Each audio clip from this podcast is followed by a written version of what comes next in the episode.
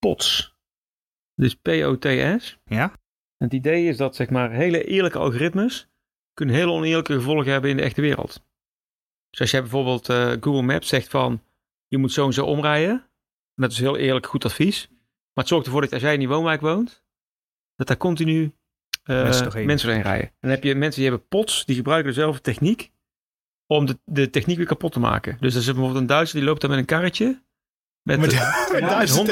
telefoons. Ja. En die wandelt gewoon een aantal keer door die woonwijk. En dan begint Google te denken, oeh, die is wel heel druk Dat is wel daar. heel druk. Dan ga ik mensen niet erheen sturen. Dat is tof, hè? Dat je Dat dan wel eh, dit- dit- niet gaat, met Google gaat praten en je denkt, dat is een soort godheid. Daar kan ik niet mee praten.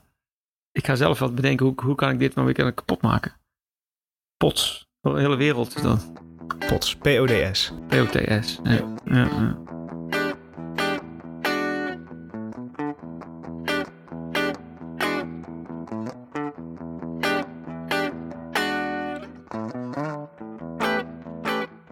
Welkom Len. Welkom Kevin. En Rens. Dank u. Rens van der Vorst, welkom.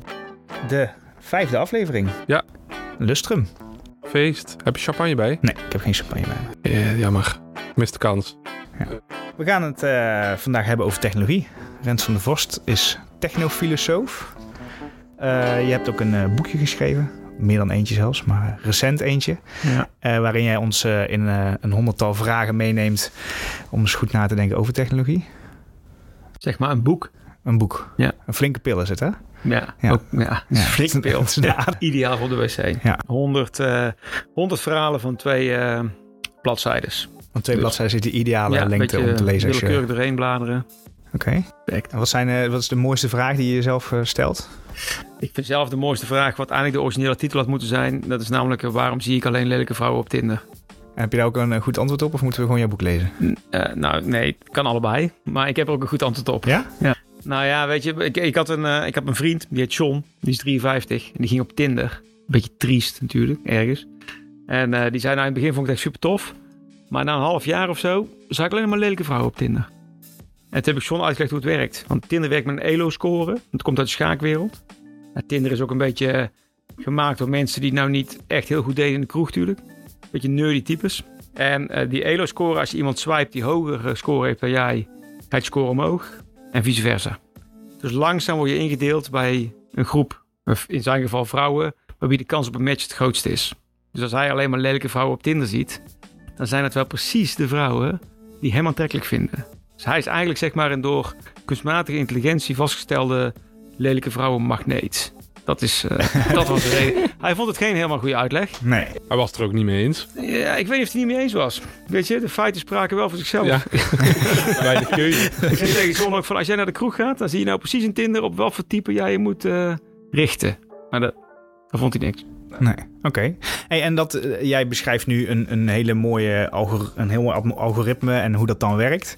Maar daar denk je wel op een hele bijzondere manier over na. Niet zeg maar de, de klassieke eh, ik ga iets programmeren mindset. Nee, nee, nee. nee want ik, mijn mijn eh, fascinatie is niet zozeer de technologie zelf. Want ik ben ook helemaal niet... ik, ben, ik ben politicoloog van opleiding. Mijn fascinatie is echt van onze relatie met alledaagse technologie. En alles lijkt onschuldig. Ik gebruik buienradar, ik gebruik een navigatiesysteem, ik, eh, ik gebruik Tinder of Facebook. Maar er, niks is onschuldig. Alles heeft een bepaalde impact op ons dagelijks leven. Ja, ja. En, en een, een impact waar we weinig bij stilstaan. En ik probeer juist met die verhalen dat even op bepaalde manieren te zoeken. Dat even je ogen open gaan. Dat je denkt van, oh ja, er, zit wel wat in. Moeten we ook eh, meer daarbij stilstaan? Eh, ik denk wel. Ja, wat mij betreft wel. Ik denk dat het heel goed is om, ehm, zeker omdat we steeds meer digitale technologie om ons heen krijgen, dat je nadenkt over, eh, maakt, dit, maakt dit mijn leven nou beter? En wat is dat dan, beter? Dat je die vragen stelt. En wat, wat het antwoord is, maakt mij niet uit. Als je er maar om nu dan over nadenkt. Ja. Het is wel bijzonder dat we op heel veel punten erover nadenken. Ik wil, ik mijn ideale werk en mijn ideale vrouw. En eh, ik wil overal uitgedaagd worden en een vol leven leiden. Maar niet als het over onze technologie gaat. Die gebruiken we gewoon. En jij noemt dan technologie en je noemt net digitale technologie. Maar wat is technologie dan volgens jou? Ja, technologie is natuurlijk eigenlijk eh, een veel breder begrip als digitale technologie. Technologie is eigenlijk, eh, ja, sommige mensen zeggen technologie is wat, wat nog niet werkt. Maar eigenlijk is technologie gewoon bijna alles. Eh, je hebt het van iets wat in ons hoofd bestaat, dus een, een tijdmachine, tot uh, iets wat bijna onderdeel is van onze natuur. Zoals uh, koken. Koken is een externe maag. Of taal is technologie. natuur, kleren, landbouw. En ik, ik geloof ook niet dat er technologie is en natuur. Volgens mij zijn mensen van nature technologische wezens omdat we dus andere dingen inzetten op een manier waar, wat eigenlijk niet is. Zoals bijvoorbeeld een tak gebruiken om ons eten aan te porren in de pan, effectief. Ja, dat klopt. Een speer maken of vuur maken, daar weer nieuwe dingen van leren. Dus veranderen, weer nieuwe technologie maken, weer veranderen. Dus het is een soort steeds terugkerend patroon waarbij wij technologie maken en technologie verandert ons weer. En volgens mij versnelt dat de laatste tijd alleen maar. En het gaat alleen maar erger worden. En is, is technologie dan ook onvermijdelijk? Ja, super onvermijdelijk. iemand die zegt, ik ga een... Uh, zeg maar, ik hou niet van technologie. heb je wel eens, hè? Of ik ben meer een natuurmens. Dan denk ik, nou, dat is wel heel naïef om dat te zeggen. Kijk, een digitale detox, dat kan nog wel, hè? Alhoewel, je moet afvragen of het dan echt zo giftig is, dat, die digitale technologie. Maar dat mensen zeggen van, ik ben, ik ben niet zo van technologie is onmogelijk eigenlijk in deze tijd. En onzinnig. Je kan wel keuzes maken welke technologie je wel en niet uh, iets mee wil doen. Maar bedoelen mensen dan niet dat ze niet zo van de digitale technologie zijn? Ik denk dat ze dat bedoelen. Ik hoop dat ze dat bedoelen. Maar je hebt ook wel mensen die gewoon echt uh, heel hoop dingen afzweren als het gaat om technologie. En waarom dan? Is dat, eh, waarom denk je dat die mensen denken dat het slecht is? Of... Nou, ik denk dat er een soort gevoel bij zit. Hè? Dat uh, gevoel is heel erg van als het natuur is, dan is het puur. En dus beter. Mm Terwijl het maar zeer de vraag is. Ambachtelijk koken. Een of andere uh, Italiaanse oma die uit, die uit de, uh, weet je, die met een enorme zweetlucht, die, die zweetdruppel staat, uh, staat te morsen in een, in een pan met, met rode spaghetti saus. Daar vinden wij dan tof, hè? Dat denk ik, oh, dat wil ik hebben. Terwijl iets wat gebeurt in een gecontroleerd proces in een fabriek waarbij alle kwaliteitsnormen worden gehandhaafd, daar vinden we dan niks. Maar als het gaat over opereren, dan denken we andersom. Dan zeggen we niet, oh nee, doe maar niet die oude tandentrekker of uh, die gast met die bloedzuigers. Doe dan maar mee gewoon de moderne operatiekamer.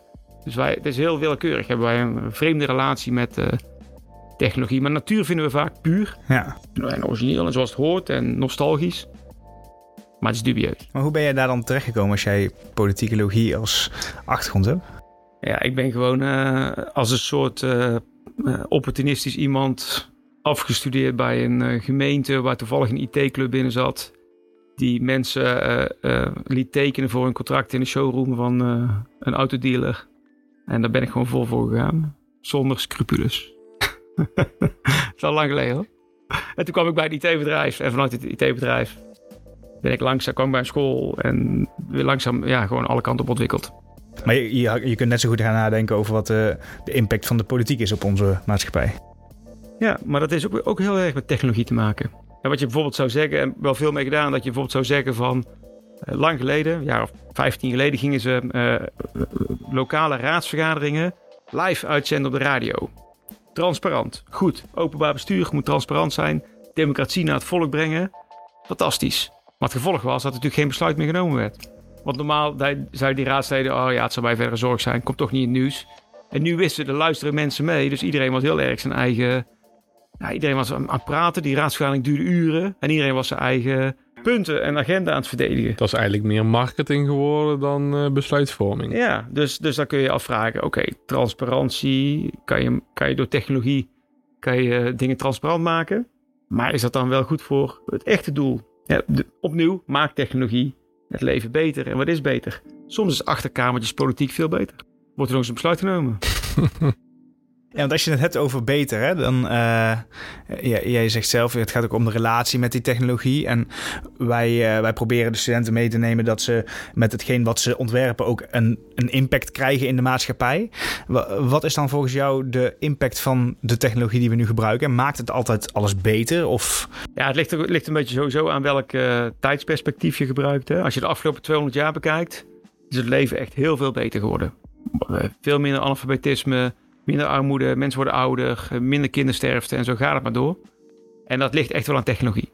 Dat ligt niet aan uh, politici die besluit hebben genomen of uh, uh, gelovige mensen die hebben lopen bidden. Nee, technologie. Hè? Technologie zit voor in de trein. maar als je naar de korte termijn kijkt, van maakt technologie ons leven beter en blijft dat zo, dan is het wel iets om over na te denken. Want als er te veel macht naar technologiebedrijven gaat, als dingen te transparant worden, maar ook vooral ook als mensen elkaar heel erg gaan controleren, dat is iets wat ik altijd eng vind, of te veel naar perfectie streven, dan kan het wel eens het tegenovergestelde effect krijgen. Kan het wel saai worden. Kun je daar eh, een voorbeeld van geven? Van techniek of van technologie wat naar het perfecte streeft, of die misschien wel een negatief sociale impact heeft? Ja, er zijn heel veel uh, voorbeelden uh, van te geven natuurlijk. Hè. Je, ziet, je ziet nu al heel erg die, die cancel uh, cultuur die je nu bijvoorbeeld op, op social media ziet. Waarin mensen elkaar de maat nemen op één aspect van wat ze zien bij mensen. En want het moet perfect zijn, mensen mogen niet beledigd worden. Maar je bereikt natuurlijk precies het tegenovergestelde. je ziet heel veel dat ehm, we bepaalde dingen zeg maar, nastreven met technologie. We willen problemen oplossen. Maar de vraag is of het de wereld niet veel leuker is met die problemen erbij. Dat is wel gewoon goed om over na te denken. Je hebt, ik weet niet of je wel eens uh, um, het boek uh, A Perfect World hebt gelezen. A Perfect Day, sorry, van Ira, Ira Levin. Daar wordt het perfect beschreven. Kijk, iedereen heeft daar, kan, kan ongebreideld consumeren. Er is geen gevaar in de wereld. Iedereen is aardig tegen elkaar. I saai. Alles is saai. goed, maar alles is saai. Ja.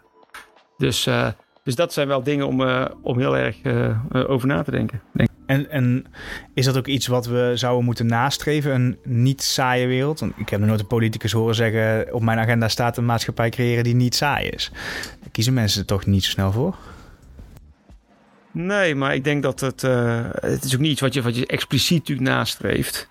Maar het zijn wel goede vragen om, om te stellen. Omdat, omdat je ook... weet je, je je kunt natuurlijk niet in vrijheid leven zonder dat de ander ook in vrijheid kan leven. Dus eh, ik wil in vrijheid leven. Dat betekent dat ik iemand anders ook de ruimte moet geven om uh, denkbeelden na, na, te streven, gedrag te vertonen wat, wat mij niet aanstaat. Ja. Nou, technologie heeft heel vaak de neiging om dat te proberen te bestrijden. Of, of middelen te bestrijden waarbij mensen mee aan de slag gaan.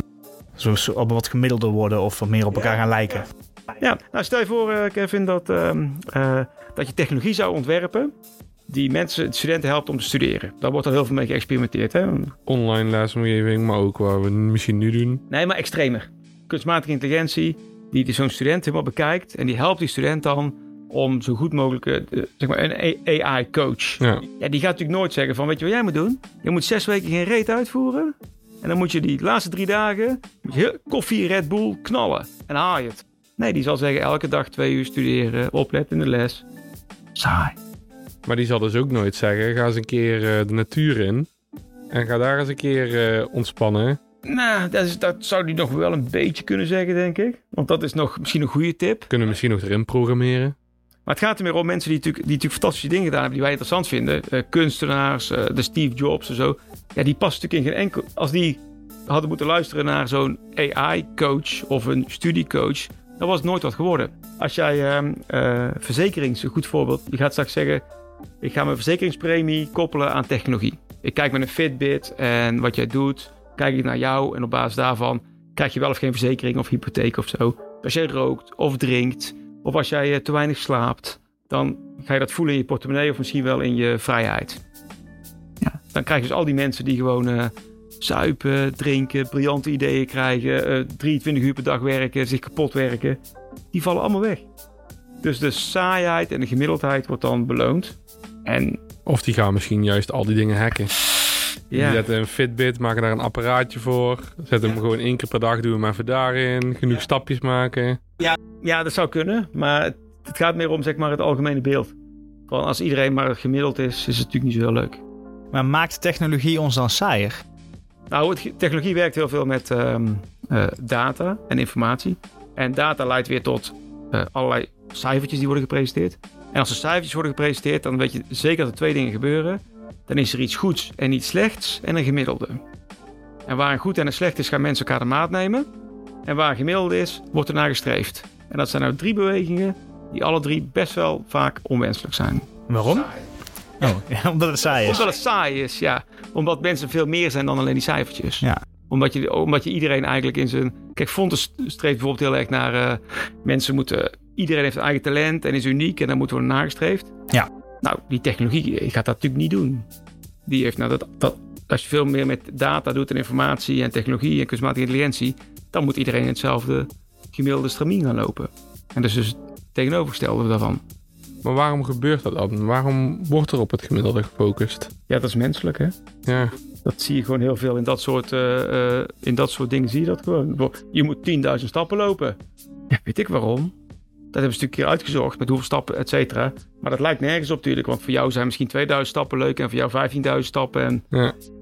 10.000 stappen. En wij mensen, wij zijn dan zo, wij, gaan, wij lopen s'avonds rondjes rond onze salontafel. Zo om eh, kwart voor twaalf, om, te, om onze Fitbit te, tevreden te stellen. Hè? Om je target te Nog even die laatste 100, 200 stappen te maken. Ja, ja, want wij zijn natuurlijk, van nature zijn wij natuurlijk eh, gemaakt om te dienen. Wij dienen het liefst onze technologische meesters.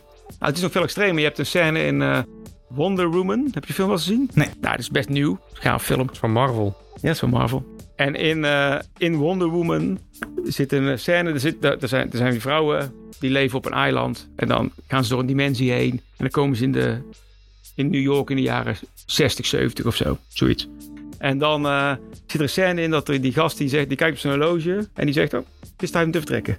En die vrouw is helemaal verbaasd. Die zegt: Is het dat kleine apparaatje wat je daar aan je pols hebt, bepaalt dat wat jij moet doen?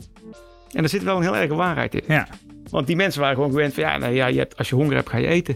En als het donker wordt, dan ga je, eh, dan wordt het laat, ga je naar bed. En tijd is gewoon techniek natuurlijk. En wij laten ons door, dat, door tijd ons hele leven inrichten. Dus het is helemaal niet ondenkbaar dat andere techniek die verder gaat, ook ons hele leven gaat bepalen. En wat kunnen we dan volgens jou doen om dat eh, toekomstig minder saai te maken? Nou, ik denk dat je heel erg na, na moet denken over wat, wat is eh, voor mij een ideale wereld eh, waarin ik wil leven. Eh, laten we even teruggaan naar het navigatiesysteem, Ja. waar ik het net over had.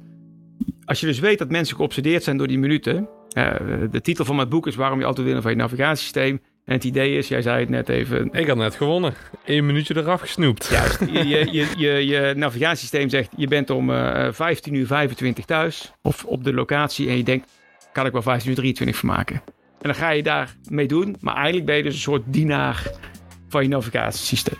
Eh, hij had ook kunnen zeggen, je bent er ongeveer om half vier.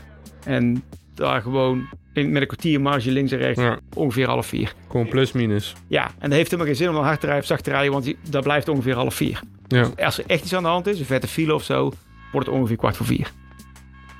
Waarom niet? Geen idee. Niet over nagedacht. Want ze hebben geen belang dat jij continu op je navigatiesysteem zit te kijken. Net als bij een... Is gewoon niet over nagedacht. Kan je over nadenken. En dan kan je meer zeggen van... Hé, hey, dan is het meer in het belang van de gebruiker. Snap je? Ja, maar zou jij dat navigatiesysteem verkiezen boven degene die jou een strikte tijd geeft? Ja, ik, ik denk het niet. En daarom moet je het dus ook gewoon eh, meer dwingend doen. Ik denk ook niet, namelijk niet dat mensen continu kiezen voor wat goed voor hen is. Nee? Nee, denk je wel? Als je kijkt naar drinken, roken, vet eten. Uiteindelijk praat je het voor jezelf wel goed, toch? Ik Ja, denk dat vooral. dat ik denk zeker. Dat, dat ze op een of andere manier kunnen ze aan zichzelf verklaren. Ik doe dit, want het geeft mij waarschijnlijk gewoon over het algemeen een goed gevoel. Ik mag dit nu doen, want ik doe al zo lang dit. En, Ja. eh, ja. Ja. En dat is ook wel een beetje de valkuil van technologie. En zeker bijvoorbeeld in social media zie je dat heel veel het goed, goed voelen zijn die kleine feedback loops die ervoor zorgen dat de mensen op het platform blijven. Maar op de lange duur kom je dus inderdaad in dat tramien van wat is het gemiddelde, waar moet je aan voldoen, hoe kun jij zoveel mogelijk likes krijgen, want dat is waar je aan beoordeeld wordt. En dan kun je dus gaan kijken, ja, ehm, hoe gelukkig maakt deze technologie mij nog? Zouden mensen daarbij stilstaan? Hoe gelukkig maakt het je? Nee, dat denk ik niet. Maar ik denk dat, kijk, kijk zo, het, is ook, het zijn twee verschillende soorten. Hè. Zo, je hebt heel veel technologie die is bewust ontworpen eh, om op kwetsbaarheden van mensen in te spelen. Ja, zoals die feedback loop. Ja, je hebt zelfs een boek dat heet Evil by Design. Echt aanraden. Het is een oud boek al. Je kijkt naar onze zeven doodzonden. En die gebruikt. En hoe kun je die nou gebruiken om technologie succesvol te maken? Wij, zijn, eh, wij zijn ijdel. Wij zijn trots. We zijn gemakzuchtig. We zijn lui. We zijn onzeker. We zijn bang. Dat kan je fantastisch gebruiken in te laten zien hoeveel mensen iets liken en retweeten. En... Maar je hebt ook heel veel technologie die heeft, heeft er helemaal geen belang bij. Zoals dat navigatiesysteem. Maar is wel gewoon zo ontworpen. Omdat het niet doordacht is. Dus er valt, ondanks dat je met de ene kant moet je vechten tegen een bedrijfsmodel. Dat is ingewikkeld. Want er zijn verschillende belangen. Maar, maar heel vaak is het ook gewoon eh, ondoordacht ontworpen. En dan valt er heel veel te winnen. En komt dat dan gewoon omdat de, de eerste taak die de ontwerpers voor ogen hebben, dat die voltooid is. Dus we hebben een navigatiesysteem. Mijn gebruiker weet inderdaad hoe die moet gaan. Weet hoe laat die er is. Dan ben ik Ja. klaar. Ik voldoe Ja. aan alle specs die op het lijstje Ja, staan, klaar. dus het product is Ja. goed. Ja, maar je zou, de ANWB zou zelfs kunnen zeggen van navigatiesystemen in auto's mogen alleen maar een tijdsaanduiding doen per kwartier. Ja. Want dat scheelt een hoop dat mensen op zitten te kijken. En dat kan misschien wel gevolgen hebben voor de verkeersveiligheid. Maar ik heb er nooit iemand horen zeggen. Maar jij, jij noemde wel iets moois. Het is bewust of onbewust ontworpen. Dus je, je, je maakt technologie. Hè? Het wordt ook door ons bedacht. En ehm, als je nou de maker bent van zo'n technologie, in hoeverre heb jij dan ook de verantwoordelijkheid over hetgeen wat jij gemaakt hebt? Heel erg, denk ik. Ja? Ja. Eh, ik, ik denk echt, eh, heb ik niet verzonnen, maar technologie ontwerpen is eigenlijk ethiek bedrijven, maar met andere middelen. Dat geloof ik echt. Eh, technologie verandert mensen. Dus als je technologie ontwerpt, ben je mensen aan het veranderen. Altijd. Altijd. Heel erg, of niet heel erg, ligt een beetje aan wat je aan het ontwerpen bent. En dat betekent ook eigenlijk dat je eigenlijk al inclusief zou moeten ontwerpen. Want over het algemeen zie je dat eh, je pro- jouw probleem aan het oplossen bent. Maar dat is niet altijd goed. Hè? Een goed voorbeeld is natuurlijk, eh, ik weet niet of je wat gezien hebt, zo'n eh, eh, soap dispenser. Mhm. Wel, dat je zo automatisch zeep krijgt, die het niet doet met zwarte handen. Een racistische zeepdispenser. Alleen als je blanke handen eronder doet, dan krijg je zeep. Maar dat is ook echt. Dat is echt, dat bestaat echt. Maar dat is niet bewust gebeurd, maar gewoon het team wat het ontworpen heeft. Ja, mijn probleem, ik wil gewoon zeep zonder dat mijn handen, eh, dat ik het aan moet raken. Ja, het werkt. Ja, maar niet bij eh, donkere mensen. Ja, gezichtsherkenning. Je had in, het, in de begindagen ook zo'n eh, probleem, hè? Ja, dat is misschien nog wel goed. Want misschien soms is het ook fijn dat je gezicht niet herkend wordt. Hè? Maar Google heeft wel eens eh, eh, eh, donkere mensen getagd als gorillas. Eh, Nikon heeft wel eens eh, continu gezegd tegen eh, Aziatische mensen... Deze foto is mislukt, want u staat hier te knippen. U heeft uw ogen dicht. Past niet, maar alleen Aziatische mensen. Eh, maar dat was onbewust. Dus, dat, dus het is heel belangrijk om, om heel bewust te zijn van... Oké, los ik nou mijn problemen op? Maar is dat wel het volledige beeld? Ja. Moet ik een, proberen een inclusiever beeld te krijgen? En als ik dat probleem oplos, hoe verander ik dan die mensen die met mijn technologie gaan werken? Ja. En dan weet je nog lang niet alle antwoorden, hè, want heel vaak gebeuren heel onverwachte dingen. Maar als je er alvast over nadenkt aan het begin, helpt het wel. En als je dan inclusief wil ontwerpen, wat, wat, wat zou je dan volgens jou het beste kunnen doen? Wat zou je dan anders moeten doen dan dat je nu doet? Ja, volgens mij twee dingen zijn heel eenvoudig. Je kunt het beste, het beste is een inclusief team hebben. Maar dat moet maar kunnen. De, bedoel je dan een team waar al die mensen ook samenkomen Ja, om het samen ja. te ontwerpen? Waar meerdere mensen vanuit meerdere achtergronden, man, vrouw, verschillende eh, eh, rassen, proberen gezamenlijk het te ontwerpen. Maar dat kan niet altijd. Maar je kunt natuurlijk ook gewoon in je gebruikerstesten, kun je dat ook eh, eh, proberen. En je kunt er gewoon al bewust van zijn. Hè? Je kunt er gewoon over nadenken als je ermee bezig bent. Eh, want dat is natuurlijk wat, eh, eh, wat ik vaak zeg met een paradise voor nerds. Weet je, wij leven nu in een paradijs voor, voor, voor nerds. Wij hebben namelijk de laatste 30 jaar is al onze belangrijke technologie, van internet tot e-mail, tot Facebook, tot Tinder, tot eh, Spotify, tot eh, Instagram, tot Uber, is ontworpen door Amerikaanse jonge blanke mannen die hun problemen oplosten. En hun problemen waren van, ik wil niet met mensen praten, ik wil ze kunnen teksten. ik wil niet eens weten, ik wil gamen. Ik wil niet eh, daten, ik wil swipen. En zo ziet onze hele wereld eruit. Alleen wij waren allemaal geen nerds. Maar we zijn wel allemaal meegegaan. Zijn we dan ook allemaal nerds geworden langzaam? Ja, we leven in ieder geval in een paradijs voor nerds. En sommigen voelen zich daar heel ongelukkig bij. Ja? Ja. Maar diep van binnen, opnieuw terugkomend op inspelen op onze kwetsbaarheden, zijn we natuurlijk allemaal een beetje... Ik vind het allemaal vervelend op één op één gesprekken te houden. En om, zijn we onzeker en bang. Is, is gewoon menselijk. Ja, wij zijn allemaal licht. natuur. Wij zijn een beetje licht nerdies. Alleen hun hebben dat heel erg naar boven gebracht door je middelen aan te reiken. Waarmee je er ook nog mee aan de slag kan. Ja. Is dan, eh, is dan eh, in, met Spotify, is dan niet bijvoorbeeld de heropkomst van de vinylplaat misschien een soort van onbewuste actie van de mens om toch weer een beetje bij dat origineel ontdekken van muziek te komen?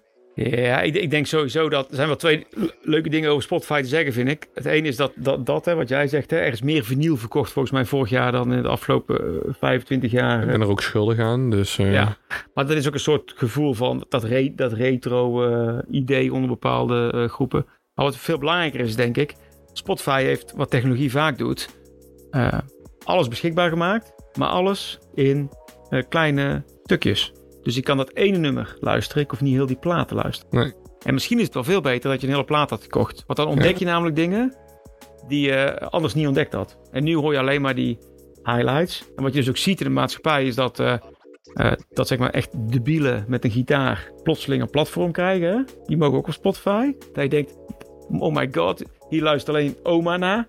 En je hebt toppers Ja. die, heel veel geld verdienen. En het hele middensegment, maar dat knalt eruit.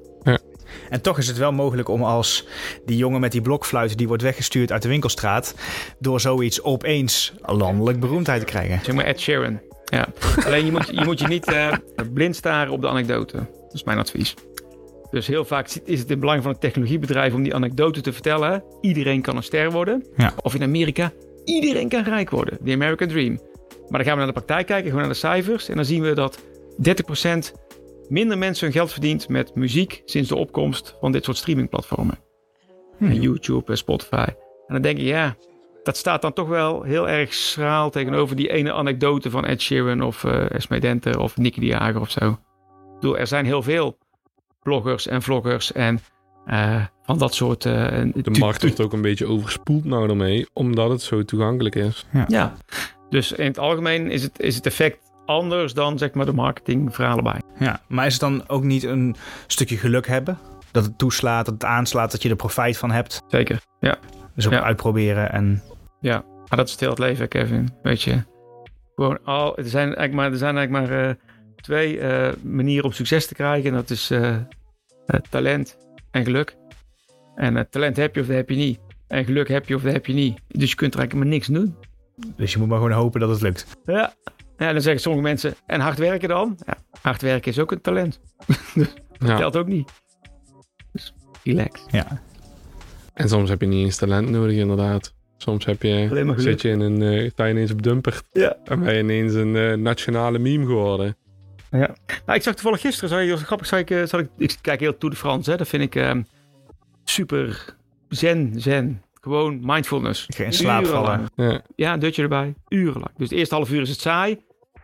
En dan wordt het echt tof. maar dan zag ik een valpartij. En dan zag ik gewoon iemand die, nou, die moest echt een stapje opzij doen.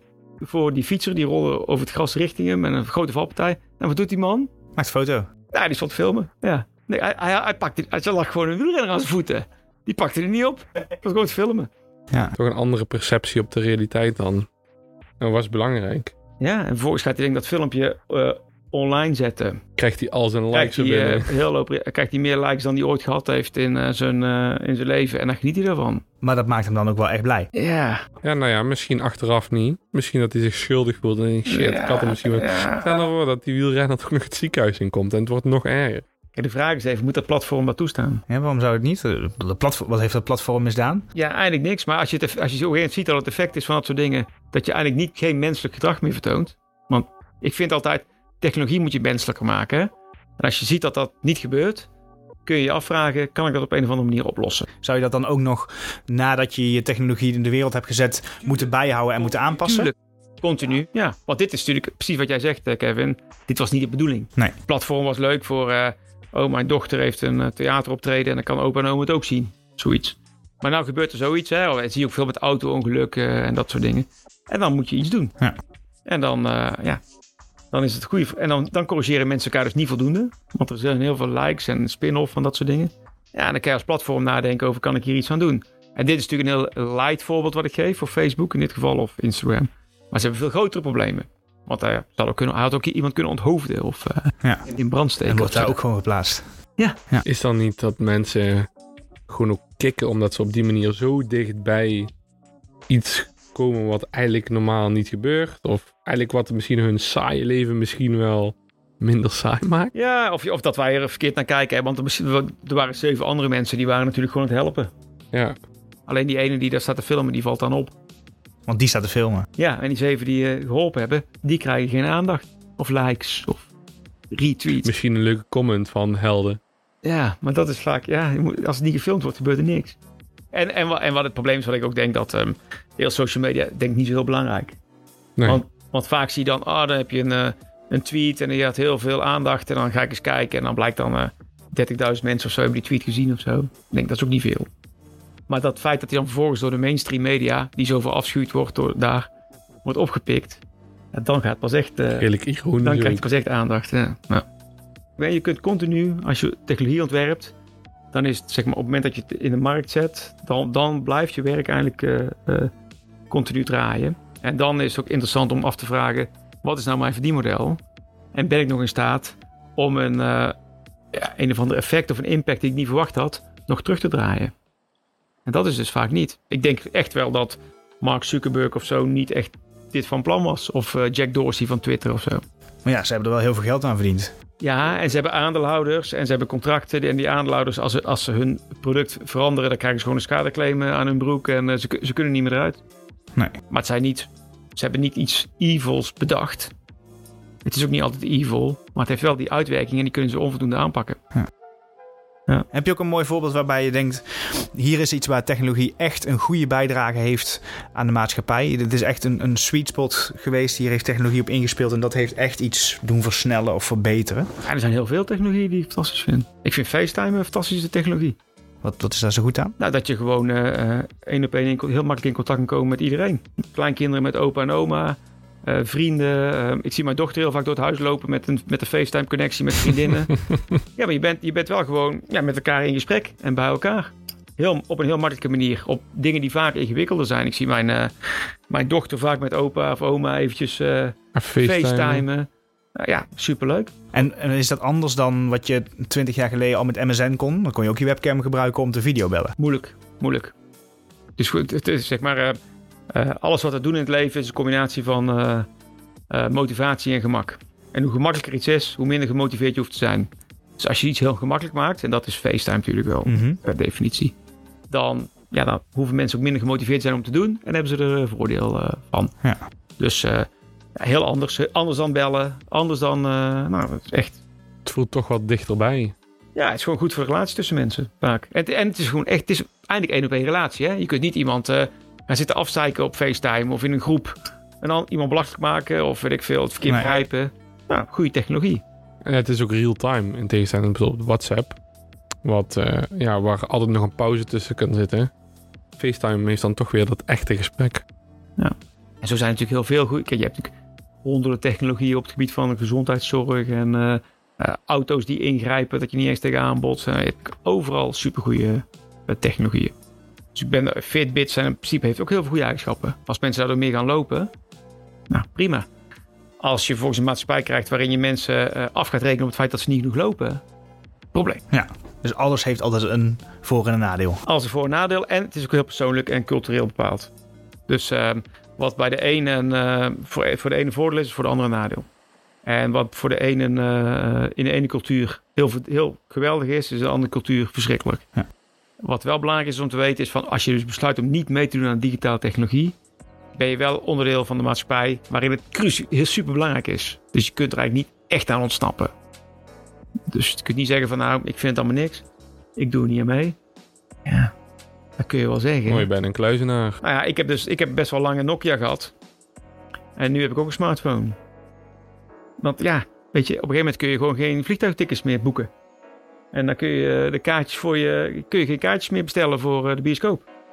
Dus je wordt gewoon gedwongen op een gegeven moment om mee te doen in die maatschappij waarin het belangrijk is. Het internetbankieren, waardoor ouders, ouderen uh, genoodzaakt worden om het uh, digitaal te gaan doen. Ja. In plaats van dat ze naar de bank kunnen om hun geld af te halen. Ja. Of ja. waar het nog geld kost om geld te storten en dat soort. Ja, ja. maar we focussen wel heel vaak op, en dat vind ik zelf ook leuk, hè, want mensen zijn natuurlijk net als die technologie een beetje zo'n roofdier is op angst en onzekerheid. Dus vind ik het ook leuk natuurlijk om de nadelen van technologie eruit te halen. Maar ja, je moet je ook niet blind staren op die... Ja, als ik in het ziekenhuis ga, ben ik toch wel blij met technologische vooruitgang. Ja. Als ik in mijn auto zit ook, weet je. Ja. Dus uh, ik ben er niet heel negatief, ik ben niet negatief over uh, technologie. Alleen sommige, juist door, er, door, door de dingen uit te halen waar het niet goed gaat, maak je mensen bewust van waar het beter kan. Ja. ja. ja. Maar um, is het dan soms ook niet heel moeilijk om te overzien wat een impact van een technologie op je eigen leven gaat zijn? Of misschien wel als je zelf iets ontwikkelt voor anderen? Nou, ik denk dat het bijna niet te doen is. Super moeilijk. Maar door er bewust van te zijn kun je er wel iets mee doen. Hey, want bijvoorbeeld uh, um, die bandjes bij Schiphol, waar je zo overheen kan, uh, waar mensen zo, weet je wel, die, uh, die, rollen, die, die rolbanden. Ja, die zijn bedoeld om door te lopen. Hè? En wat doen mensen? Ze gaan stilstaan. je hebt heel vaak uh, onverwachte, uh, onverwachte technologische... Ja, maar dan heb je dus inderdaad weer uh, die motivatie ten opzichte van de gemak, de balans. En dan merken ze, ja, ik ga dan niet lopen, want ik kan even snel bewegen op de ja, rolband. Ja, maar dat was niet voor bedoeld. Dat was bedoeld voor de doorstroming. En zo heb je heel vaak technologie waarvan je denkt, oh, oké. Okay. Ik had hem eigenlijk anders bedoeld. Het idee is goed, maar dan blijkt toch dat mensen hem anders toepassen in hun eigen leven. Ja, en anders gaan gebruiken. Maar dat, ehm, nou, dus dat is heel moeilijk te voorspellen, denk ik. Ja. Maar door dat wel in de gaten te blijven houden, ook nadat je de technologie gebruikt hebt. En door eh, transparant te zijn over de impact die je wil bereiken. hè.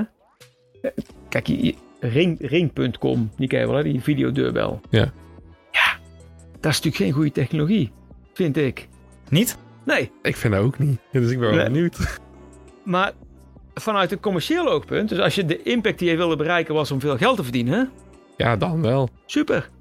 Maar, maar als je zegt van ja, eh, op mensen heeft volgens mij een slechte eh, uitwerking, denk ik. Want het is namelijk zo dat je, eh, volgens mij is de slogan van ring.com is eh, eh, altijd thuis. Maar volgens mij zou het moeten zijn nooit meer weg. Want waar je ook bent, je bent ergens met, met je telefoon nog steeds thuis. Hè, want elk moment kan er iemand voor de deur staan. Ja. En dan heb je ook alles wat heeft te maken met privacy en spionage en dat soort dingen. En wat lost het dan echt precies op? Totaal onduidelijk. Want als iemand aanbelt en die is, eh, eh, komt een pakketje brengen. Ja. eh, Je kan de deur toch niet open doen als je niet thuis nee, bent. nee. Dus wat, wat, waar zit die oplossing dan precies? Ik bedoel, die vriend die voor de deur staat en jij bent niet thuis, die appt je wel even of die belt je wel even. Nee, maar dat tegenover staat bijvoorbeeld misschien wel. Ehm, stel iemand is overvallen aan de deur. Zijn bij de deur hebben aangebeld en zijn binnengestormd. Maar dan komen we weer terug op de anekdote. Je had natuurlijk ook het oude spion dingetje. Ja, het gaatje in de deur. Nou, hoe vaak worden mensen daadwerkelijk overvallen? Door, dus dus, dus dat, dat inspelen op angst. Want zo, dat doet Ring.com natuurlijk ook. En Ja. onzekerheid. Die inbreker die voor de deur staat. Ja. Hoe vaak gebeurt dat nou? Of die vrienden met een krat bier. Dan denk ik, dat is ook lekker. Dan sta je in de kroeg. Dan heb je het naar je zin met, met drie vrienden. En dan krijg je in één keer, eh, gaat je telefoon op je... En dan zie je drie andere... sta- staan er drie vrouwen voor je deur met een krat bier. En dan denk je, ja... Nou is het eigenlijk niet zo leuk met een kroeg. Le- lekkere technologie. Soms had je het beter niet kunnen weten. Dus... eh, en, en je ziet, ik zie nu ook heel vaak dat mensen zeggen van... Hey, eh, eh, er werd een pakketje aangeboden de- door DHL... En, maar die man is niet geweest. En ja, die is wel geweest. Nee, die is niet geweest. Want. En dan wordt er gewoon even footage bijgehaald van de deurbel. En Ja. dubieus. Ja. Jij noemde net heel mooi van ja, wat, wat lost dan in dit geval die deurbel nou echt op? Hè? Eh, is technologie vaak ook zo meer probleemoplossend? Of heb je het gevoel dat het ook gewoon regelmatig symptoombestrijding is? Ah, ik heb het gevoel dat het heel vaak symptoombestrijding is. Maar dat heb ik heel, het gevoel ook vaak bij studenten bijvoorbeeld. Omdat ze niet goed nadenken. Daar probeer ik altijd bij te helpen over de vraag achter de vraag. Nou, een simpel voorbeeld. Je zou kunnen zeggen mensen die te dik zijn. Ja, die vreten te veel. En die lopen te weinig. Dus het enige wat je moet doen is een app maken. Want een app maken. Hè. Ja, die dat is bij- de trend. Ja, there's een app voor dat. Een app die bijhoudt hoeveel je loopt. En die bijhoudt hoeveel je vreet. Nou, Opgelost. opgelost. Weer uitleggen, nee, mensen die te dik zijn, is vaak een heel ingewikkeld sociaal-cultureel probleem. Het eten is te zoet of te zout. Eh, arme mensen zijn veel dikker. De voorlichting is niet goed genoeg. Eh, slecht eten is vaak goedkoper. Er is, eh, in je jeugd heb je te weinig sportmogelijkheden. Er is een heel complex probleem. En wat jij doet met die, met die app die je net doet, is je zei iemand die een slachtoffer was van het complex probleem, heb je nou in één keer een dader gemaakt. Want hij vreet te veel en hij loopt te weinig. Dus je hebt niet alleen de symptomen bestreden, je hebt het probleem ook nog eens veel groter gemaakt voor die, voor die mensen die je wilde helpen. Dat is echt een probleem. Dus dat is vaak symptoombestrijding. Maar wat ik ook vaak zie is dat wij problemen oplossen met technologie die helemaal niet bestaan. Hè? Eerst verzinnen we een probleem, dan lossen we het op. Dus eh, je kent die filmpjes natuurlijk wel van die mensen die niet bereikbaar willen zijn met hun telefoon. Ja, dat was natuurlijk helemaal geen probleem. Nee. Mijn eh, mijn eh, broer die is adjunct-directeur bij een eh, middelbare school. En die zegt, ja, ik, als ik tegen mijn leerlingen zou zeggen... we gaan drie dagen naar Londen of vier dagen naar Londen... maar je mag je telefoon niet meenemen, je smartphone. Nou, dat, dat accepteert geen één ouder. Terwijl dat deed natuurlijk gewoon 15 jaar geleden. Sterker nog, en toen was Londen echt onveiliger. Ja. Gewoon, ja, Londen en zo vier dagen weer terug, weet ik veel. We hebben afgesproken zo laat, zo laat daar. En als die niet is, nou, dan is er een centraal telefoonnummer. En, eh, dus ja, er zijn nieuwe problemen gecreëerd... terwijl je andere problemen die niet bestonden had willen oplossen. Ingewikkeld, hoe zit dat Ja. precies? En ik denk dat we nog een hele wereld vol met nieuwe problemen gaan bedenken... en die gaan we dan oplossen. Laten we zorgen dat we al heel snel van tevoren weten of je wel of niet ziek bent. Wat ik vorige keer vertelde op je wc. Maken we smart toilets. Krijgen we miljoen, miljarden slimme wc's in de wereld. Creëren die allerlei nieuwe problemen weer. Met false positives en met andere dingen. Dan kun je En, dat weer oplossen. Dat houdt zichzelf natuurlijk ook in stand. Dus het heeft ook een ja. reden, dus bijna natuurlijk, waarom dat, dat gebeurt. Ja, ja, dus je hoeft ook helemaal nooit bang te zijn, denk ik, dat er straks geen banen meer zijn door computers of, of eh, eh, kunstmatige intelligentie. Daar geloof ik helemaal niet in. Ik geloof namelijk in dat wij nog heel veel nieuwe problemen kunnen bedenken die we dan weer op gaan lossen. Met technologie. Met Of, technologie. of misschien wel problemen die we dus ook gewoon zelf hebben gemaakt. Ja, ja, ja, maar vaak is het. Je ziet ook bij studenten, als je ze uitdaagt, en misschien dat jullie het ook wel merken, om problemen op te lossen, dat ze dat bijna altijd, eh, dat ze bijna nooit zullen zeggen van, ja, je kunt, je kunt het ook oplossen zonder technologie. Of het is geen probleem. Kan ook wel anders. Nee, het kunt is ook- zo verweven in onze Je maatschappij. kunt ook gewoon accepteren dat het een probleem is en het leven is niet perfect. Ja. Laat maar gaan. Dus Mooi. dat, eh, ja, dat zie ik wel. Is, ehm, als je, hebt het net ook over Londen inderdaad, hè, dat, we, dat we als mensen, ouders misschien minder snel onze kinderen zonder telefoon weg zouden sturen. Is het niet ook omdat we nou zo gewend zijn aan heel dat connected zijn met elkaar, maar ook dat we daardoor heel veel over heel de wereld binnenkrijgen van wat er gebeurt. Dat we misschien een false, false sense of insecurity krijgen. Ja, ik denk het wel. Ik denk dat ehm, eh, die, zeg maar, je hebt, eh, dat heet eh, availability bias. Dat heeft volgens mij Kahneman ooit eh, bedacht. Dat betekent namelijk, ehm, eh, je kent wel de uitdrukking WYSIWYG, hè? What you see is what you get. Maar er is ook een uitdrukking, what you see is all there is. Dus als jij bijvoorbeeld, zeg maar, jij zit aan zee op vakantie. Ja. En jij hoort heel de tijd berichten in de, lokaal, in de krant of zo of op je telefoon over mensen die aangevallen worden door een haai. Ja, Ergens in de wereld. Dan is de kans dat jij aangevallen wordt door een haai nog steeds kei klein. ja, die wordt er, is ook niet groter op geworden. Maar jij zwemt minder, je gaat toch, toch ergens, begin jij minder fijn te zwemmen. Ja. Nou, precies hetzelfde gebeurt denk ik met, eh, met ons. Eh, als, jij, eh, als iemand, bijvoorbeeld, als de buschauffeur in Lemmer wordt in zijn gezicht gespuugd. Dat is triest. Maar dat is wel iets voor de Lemmerse courant. Dat had ik normaal nooit gehoord. Hè? Ik denk, nou, weet ik veel. Ja. Nu zie je, zie, komt dat op Dumpert meteen binnen. Beelden erbij. En Ja. dan denk je, jongen, jongen, die wereld wordt steeds huftriger. Ik denk van niet. Want als je mensen vraagt, en wat heb jij de laatste tijd dan voor huftrige dingen meegemaakt? Nee, ik niks. Maar ik heb wel heel veel gezien. En dus ik denk precies wat jij zegt, die, die false sense of insecurity, ja, die wordt heel erg aangewakkerd doordat alles onversneden binnenkomt. Ja, en tegelijkertijd is dat eh, ook een verdienmodel van veel platformen. Omdat daarmee houden ze hun gebruikers binnen hun eigen platform. Ja, of het maar het verdienmodel van terroristen, hè? Ja, Ja, angst, angst irrationele angst. eh, als, als jij als grootste... Stel dat je een spelshow zou beginnen, Len. De spelshow heet... Ik, word, ik wil op, op, dat je opgeblazen wordt door een eh, bom van een terrorist. En je mag zelf niet de bom maken, hè? nee. Je moet gewoon toevallig een innocent En wie bystander. als eerste opgeblazen Ja, wordt, wint. wint. Innocent bystander. Dus, dus je hebt een groep die, die hangt rond, rond de Eiffeltoren en bij de incheckbalies. En eh, de kans dat het lukt is gewoon echt nul. Nou, ik een denk heel dat oninteressante spelshow. En waarom zijn we er dan bang voor? Ja, die omdat ook, we eh, continu alles binnenkrijgen. Worden ook waarschijnlijk binnen een half uur opgepakt door de politie. Omdat ze tegen ieder zeggen, één keer me opblazen. Please blow me up. Nee, maar je ziet dus heel erg dat, eh, dat, dat aan de ene kant krijg je dat. Hè? Aan de andere kant, hoeveel informatie we ook hebben, we snappen er toch steeds geen reet van als mensen. En het beste voorbeeld is natuurlijk corona. Bij corona zag je natuurlijk gewoon volledig aankomen dat het misging. Want we hadden al informatie. Je had de Wu- Wuhan is een, ik, ik had nooit van gehoord, ik dacht een dorp. Maar het is een stad met tientallen miljoenen inwoners met Ja. iets van 300 internationale, internationale vluchten per dag. Hè? En dus je wist eigenlijk, dat komt daaruit. Je wist dat dat, je, je, wist, je had eigenlijk alle gegevens om te weten, die gaan niet goed. Eh, de R was daar al drie of zo. Drie is heel... eh. Ja. Maar schijnbaar, je hebt dan, wij hebben, dat is een complexe theorie en we willen eigenlijk simpele oorzaak-gevolg dingen. Ja. En dat kun je niet volgen. Dus we hebben ook een false sense of security. Ja, Ja, die hebben we ook. ja. Dat is heel Het zal over ons niet overkomen, want Nee, het is en- daar ergens. En we pikken gewoon uit wat op dat moment uitkomt. ja. Ja. En het is maar goed, hè, de laatste, want anders leef je niet meer natuurlijk. Nee, want anders ben je constant bang. Ik kan niet auto gaan rijden, want Ja. het kan misgaan. Ja. Maar is dan niet eh, dingetjes, nou, ridiculiseren? Eh, kijk, de gevolgen van technologie een beetje als, als een ridicuul iets beschouwen om zo eruit te halen hoe je het anders zou kunnen doen of wat je impact is. Ja, nou volgens mij doe ik dat heel erg in het boek. Gewoon eh, continu een beetje mee spelen. Humor. Ja, dingen belachelijk maken. eh, de studenten daarmee proberen te prikkelen, maar ook lezers daarmee proberen te prikkelen. En dat werkt ook echt heel goed. Want je moet het ook niet... het- uiteindelijk is het voor iedereen anders. Ja. Dus je moet het ook op bepaalde mani- manieren vinden om het dichtbij mensen te brengen. Ik lees ook wel eens van die eh, filosofische boeken over de impact van science en technology.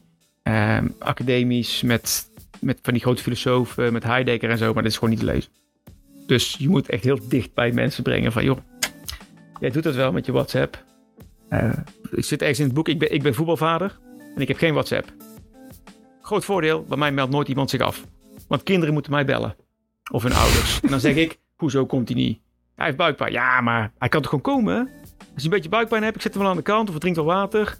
En al die ouders denken, zo, die ga ik echt niet bellen. Ja, Dus klaar. al die kinderen zijn er. Bij mijn dochter hebben ze WhatsApp in de hockeygroep. Word gek van. Want het is gewoon, ik ben er niet vanavond. Klaar. Ik ook niet. En als er drie niet zijn, dan komen er nog meer niet. Sociale verantwoordelijkheid valt een beetje weg. Ja, en dat maakt WhatsApp niet slecht. Maar het manier waarop je het wanneer inzet wel. Dus dat platform is verre van neutraal. Want het verandert namelijk hoe mensen eh, hun verantwoordelijkheid zien. En dat makkelijk dichtbij brengen, dat eh, doe jij eh, met dat boek. En eh, jij wil er eentje weggeven, heb ik het idee. Ja, ja nou dat wil ik niet. Maar dat, eh, dat is gewoon echt eh, iets wat eh, een cadeau is. Het liefst zou ik ze allemaal zelf houden. Ja? Ja. Heb je zo'n hele kast vol staan met allemaal gele boekjes? Lekker tussen gaan zitten. Ja. En dan nu en dan blader ik erin. ja? Ja. Maar de meeste hou je in mint eh, condition eh, Ja, ja. voor de verzamelaar. Ja. En je hebt een audioboek, je hebt een, een, een, een hardcopy boek. Ja. Je hebt een En een e-book. e-book. Ja, Je bent helemaal bij de tijd. ja. Mooi. En ja, je had een, een leuk idee om dat eh, te organiseren. Ja, ja, het leek me wel leuk om eh, er een vraag aan te koppelen. En degene die die vraag goed heeft, het is een hele moeilijke vraag, kan ik wel zeggen. Ja? Die krijgt dan dat boek. Mhm. En, eh, ehm, dus, en de vraag die ik eigenlijk wilde stellen is van... Er is een ehm, eh, Eindhovense kunstenaar. Die, eh, we hebben net heel veel gesproken over dat de wereld... Is de wereld die perfect is wel beter of niet? En die heeft een eh, interpretatie gemaakt van een videospel. En in dat videospel is alles perfect, maar daardoor ook heel saai. En als je de naam weet van dat videospel... wat je ook echt kunt spelen online... dan krijg je mijn boek. Maak je kans op een boek. Ja. Ik heb het net iets, iets moeilijker om te googlen gemaakt. Ja? Ja. Oké. Dus Google, Google of zoek naar Of DuckDuckGo. of DuckDuckGo. Ecosia maakt... Maar dan heb je minder kans dat je het vindt. Ja. dus wil je kans maken op, eh, op een exemplaar, dan eh, zoek wie de kunstenaar is, zou ik zeggen. Nou, zoek hoe het spel heet. Of zoek hoe het spel ja, heet. Ja. Als je nog een keer een beschrijving wil horen, doe je gewoon even twee, drie keer min 15 seconden. Doe- Nog een keer. En eh, laat het ons weten. En dan moet je dan niet zeggen op. Ja. Ja, Eh, laat het ons weten via beweegontwerper.fontes.nl. En eh, is die gesigneerd? ja ik zal hem signeren. Je zult hem signeren. Oké, mooi. Nou, ik ben benieuwd. Onze eerste giveaway. Ja, vet. En heb je hem niet gewonnen, dat kan me voorstellen. Dan Mhm. kan je hem natuurlijk altijd gewoon eh, online kopen. Als e-book, luisterboek. Maar ik, zou, ik ben wel een voorstander van de hardcopy. Ja? Anders blijf jij ermee zitten. Die ruikt naar papier. Die kun je op de wc leggen. Op je nachtkastje in plaats van je smartphone. Kan je leuke notities in maken. Je kan in de trein eh, andere mensen toch wel indruk maken op andere mensen. Hier ook? Ja. Ja. Heb je geen Tinder meer nodig? Nee, door hem heel duidelijk, eh, overduidelijk te lezen. Kan allemaal. Top. Ja, je kan zelfs eh, hoekjes omvouwen van waar je was. Oh, je was. Dat kan tegenwoordig ook op e-readers. Ja, ja, ja, ja. maar mij zit er zo'n flapje in wat je ertussen kan duwen. Kijk. Oh, zo'n flapje. Ja, het is een eh, technologisch hoogstaand boek. Nou, top. Dankjewel Rens dat je ons een eh, kijkje hebt gegeven in eh, jouw manier over het nadenken van technologie. ja, graag gedaan. Tot eh, de volgende aflevering. Ja, tot de volgende keer. Dankjewel. Oké, bedankt. Doen we een outro nog opnemen? Ja, weet niet.